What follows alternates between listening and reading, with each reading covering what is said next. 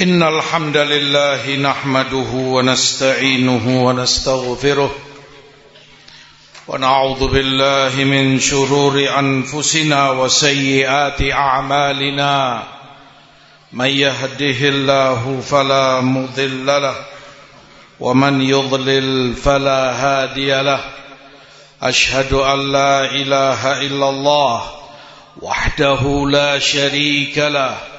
إقرارا به وتوحيدا وأشهد أن محمدا عبده ورسوله صلى الله عليه وعلى آله وصحبه وسلم تسليما مزيدا. أما بعد عباد الله جماعة صلاة الجمعة رحمني ورحمكم الله. Pada jasad manusia. Rasulullah sallallahu alaihi wasallam mengabarkan Ala inna fil jasadi mudghah idza saluhat saluhal jasadu kullu wa idza fasadat fasadal jasadu kullu ala wahiyal qalb Ketahui dalam jasadmu ada segumpal darah. Jika segumpal darah ini baik Soleh Maka berpengaruh menentukan akan soleh pula Akan baik pula Seluruh jasadmu yang lain. Namun jika dia rusak Fasid Jelek maka berpengaruh pula akan ikut rusak dan jelek seluruh jasadmu yang lain. Dan ketahui segumpal darah itu adalah kalbu. Karena dia menentukan kesolehan atau tidaknya jasad manusia kita semua yang hidup. Maka tentunya perhatian kepadanya harus lebih. Pembenahan untuknya harus lebih diprioritaskan lebih dari segala-galanya. Kalau untuk jasad kita saja perhatian kita begitu besar. Kepedulian kita sangat dalam. Sedikit saja kita sakit jasad entah itu sakit perut batuk, flu atau yang lainnya, sakit gigi, segera kita mencari dokter untuk dibenahi, disembuhkan, diberi obat. Karena kita tidak ingin berlama-lama dalam penyakit itu rusaknya jasad karena penyakit yang dia derita. Maka sesungguhnya pengobatan pembenahan kepada kalbu jauh berlipat-lipat ganda lebih penting daripada pembenahan jasad. Ibadallah, ma'asyiral muslimin rahimani wa rahimakumullah. Hal itu karena jasad kita baik tidaknya ditentukan oleh kalbu. Disebutkan oleh Imam Ibnul Qayyim rahimahullahu taala utlub qalbaka fi thalathati mawatin. Perhatikan kalbumu dalam tiga perkara. Perhatikan seperti apa kondisi kalbumu bagaimana keadaan kalbumu dalam tiga urusan ini. Kalau dalam keadaan baik maka pertanda alamat baik kalbumu itu yang berpengaruh kepada baiknya jasadmu semua. Tapi jika itu rusak segera berbenahlah. Yang pertama kata Imam Ibnul Qayyim inda tilawatil Quran al-mautinul awal dalam membaca Quran Artinya bagaimana perhatianmu untuk membaca Quran semangatmu dalam membaca Quran, kemudian saat membacanya tadabbur terhadap ayat-ayatnya, berusaha memahami apa yang Allah sebutkan dalam ayat-ayatnya. Jika itu berita, kabar, segera dia imani kebenarannya tanpa sedikit pun ragu. Jika itu perintah, segera dia berusaha mengamalkan. Jika itu larangan, segera dia menjauhi sejauh-jauhnya tadabur ayat-ayat Quran, menambah iman dan kuat akidahnya. Perhatikan bagaimana kalbumu dalam tilawatul Quran dalam setiap hari. Berapa lama, berapa banyak ayat yang kita baca dari Quranul Karim. Bagaimana tadabur kita terhadap Quran ini? Pengaruh kalbu akan baik atau tidak banyak dipengaruhi oleh tilawatul Quran maka perhatikan saat baca Quran. Bagaimana kepedulian kita terhadap Quranul Karim. Berapa lembar Quran kita baca. Berapa banyak ayat, lalu bagaimana kita mentadaburinya. Al-Mautinus Yang pertama ini Allah menyebutkan celaannya kepada mereka yang tidak tadabbur terhadap ayat-ayat yang dia baca. Afala yatadabbarunal Qur'an am ala qulubin aqfaluha. Kenapa mereka tidak tadabbur terhadap ayat-ayat Quran atau memang kalbu mereka telah terkunci. Sebagian orang mungkin membaca bahkan mungkin hatam dalam tempo yang sesingkat-singkatnya. Tapi bagaimana tadabur dia terhadap ayat-ayat itu? Apa yang dia fahami dari ayat yang dia baca dan bagaimana pengaruh itu terhadap akidah dan imannya? Al-Mautinu Perkara yang kedua kata Imam Ibnul Qayyim, inda majalis dzikir di majlis-majlis zikir yaitu majlis ilmu. Bagaimana semangatmu mendatangi majlis ilmu? Karena di situ dipelajari ayat-ayat Quran, bagaimana penafsirannya yang benar.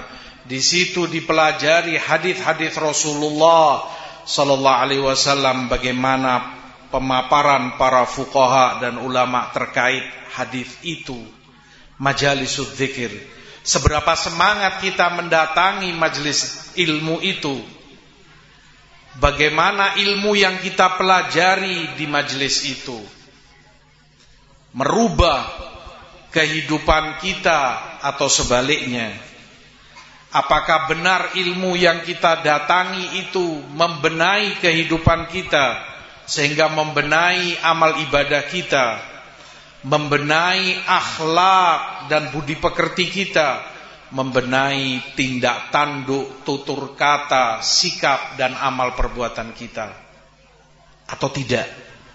Perhatikan kalbumu karena kalbu banyak terbenahi dengan ilmu yang diajarkan di majlis-majlis ilmu. Bagaimana kalbumu terhadap majlis ini? Seperti apa perhatian yang kamu berikan untuk mendengar, untuk faham dan belajar ilmu agama? Al-Mautinus Thalith, perkara yang ketiga. Kata Imam Ibnul Qayyim rahimahullahu taala indal kholawat ketika anda seorang diri tidak ada orang lain bersamamu. Hanya kamu dengan Allah. Saat itu seperti apa kalbumu? Bagaimana rasa takut kita kepada Allah? Zunubul kholawat terkadang seorang hamba melakukan kemaksiatan dan dosa saat dia sendirian. Mungkin saat bersama orang lain, ada yang bersamanya entah siapa itu masih terhalang, masih tercegah dari dosa ini dan maksiat itu. Tapi saat sendiri, bagaimana kalbunya, rasa takutnya kepada Allah. Seorang mukmin akan takut kepada Allah dan memohon kepada Allah untuk diberi rasa takut kepadanya saat dia sendiri maupun saat bersama orang lain. Dalam hadis yang Rasulullah ajarkan doa as'aluka khasyataka fil ghaibi wasyahadah Aku memohon rasa takut kepadamu ya Allah saat aku sendiri maupun saat bersama orang lain. Kalbu banyak terbenai dengan rasa takut kepada Allah justru saat sendiri. Saat tidak ada orang lain melihat dia mau berbuat apa bisa dia lakukan saat itu dan tidak ada yang tahu kecuali Allah maka dipupuk rasa takut itu kepada Allah di dalam kalbu saat sendirian terutama banyak membantu untuk solehnya kalbu. Tiga perkara. Saat membaca Quran dan tadabur kepadanya serta pengamalannya. Saat mendatangi dan belajar di majelis-majelis ilmu. Dan yang ketiga saat orang sendirian. Kata Imam Ibnul Qayyim rahimahullah jika kalbumu hidup dan terbenai dalam tiga perkara ini tiga tempat ini maka bersyukurlah kepada Allah pujilah Allah karena dia yang memberi taufik kepadamu sehingga terbenai dan jadi soleh kalbumu. Namun, na'udzubillah, jika kalbumu belum juga terbenai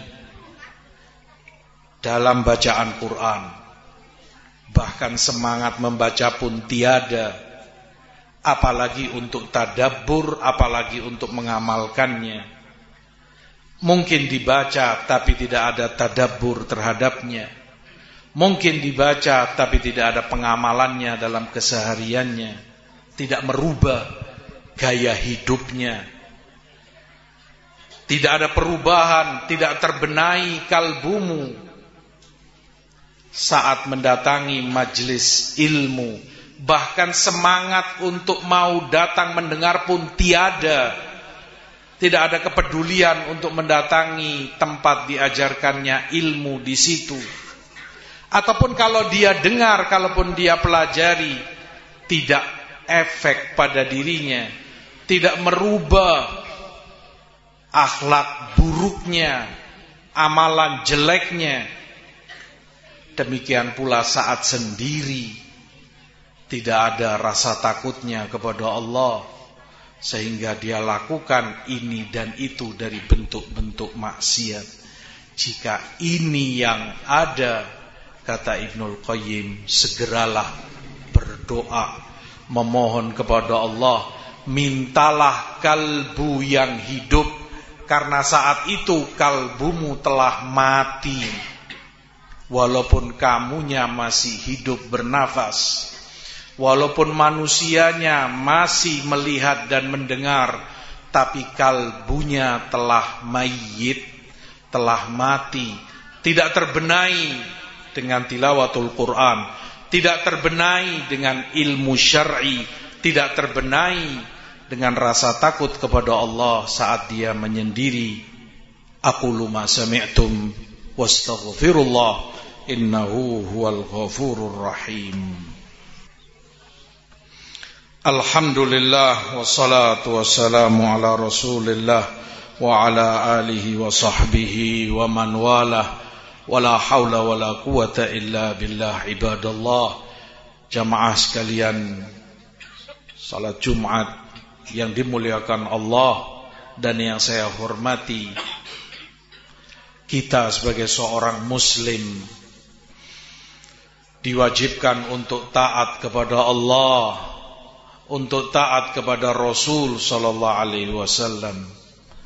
Maka yang terpenting dan segala-galanya bagi kita adalah ketaatan kita kepada Allah dan Rasulnya. Dan untuk itu kita dihidupkan, untuk itu kita diciptakan oleh Allah untuk taat beribadah kepadanya mentaati sunnah ajaran Rasulnya Sallallahu alaihi wasallam. Maka ilmu yang kita pelajari Kenikmatan, segala kenikmatan yang Allah berikan kepada kita Hendaknya semua itu menjadi wasilah Membantu kita untuk semakin dekat kepada Allah Taat beribadah. Dan itu pertanda seorang hamba yang dirahmati oleh Allah. Pertanda kebahagiaan seorang hamba di dunia dan akhiratnya. Saat dia menggunakan segala yang Allah berikan padanya untuk ketaatannya kepada Allah ketaatannya kepada Rasulnya. Semakin dia berilmu semakin dia berharta semakin dia kuat semakin dia dekat kepada Allah Subhanahu wa taala. Namun celaka dan pertanda bahaya besar jika seorang hamba sebaliknya semakin bertambah ilmunya, semakin bertambah harta bendanya, dengan itu semakin jauh dia dari Allah. Semakin dia banyak melanggar syariat Allah Semakin dia banyak meninggalkan dan menyalahi tuntunan ajaran Rasulnya Sallallahu Alaihi Wasallam. Mudah-mudahan Allah berikan kepada kita taufik dan hidayah untuk semakin taat dan dekat kepadanya. Diberi kekuatan untuk kita semangat mengamalkan ajaran Allah dan ajaran Rasulnya. Barakallahu li walakum fil Qur'ani was sunnah wa nafa'ani wa iyyakum bima fihi ma minal ayati wal hikmah. Allahumma salli ala Muhammad wa ala Muhammad kama sallaita ala Ibrahim wa ala ali Ibrahim innaka Hamidun Majid. Wa barik ala Muhammad wa ala Muhammad kama barakta ala Ibrahim. وعلى آل إبراهيم إنك حميد مجيد. ربنا آتنا في الدنيا حسنة وفي الآخرة حسنة وكنا عذاب النار. اللهم إنا نسألك خير ما سألك به نبيك محمد صلى الله عليه وسلم ونعوذ بك من شر ما استعاذك منه نبيك محمد صلى الله عليه وسلم. اللهم أصلح لنا ولاة أمورنا اللهم ارزقهم بطانة صالحة تعينهم على طاعتك. اللهم لا تولي علينا شرارنا. اللهم لا تولي علينا من لا يخافك فينا ولا يرحمنا. اللهم من أراد بنا وببلادنا سوءا أو شرا فأشغله بنفسه. ورد كيده في نحره. إنك قوي عزيز ذو انتقام. سبحان ربك رب العزة عما يصفون. وسلام على المرسلين. والحمد لله رب العالمين. أقم الصلاة.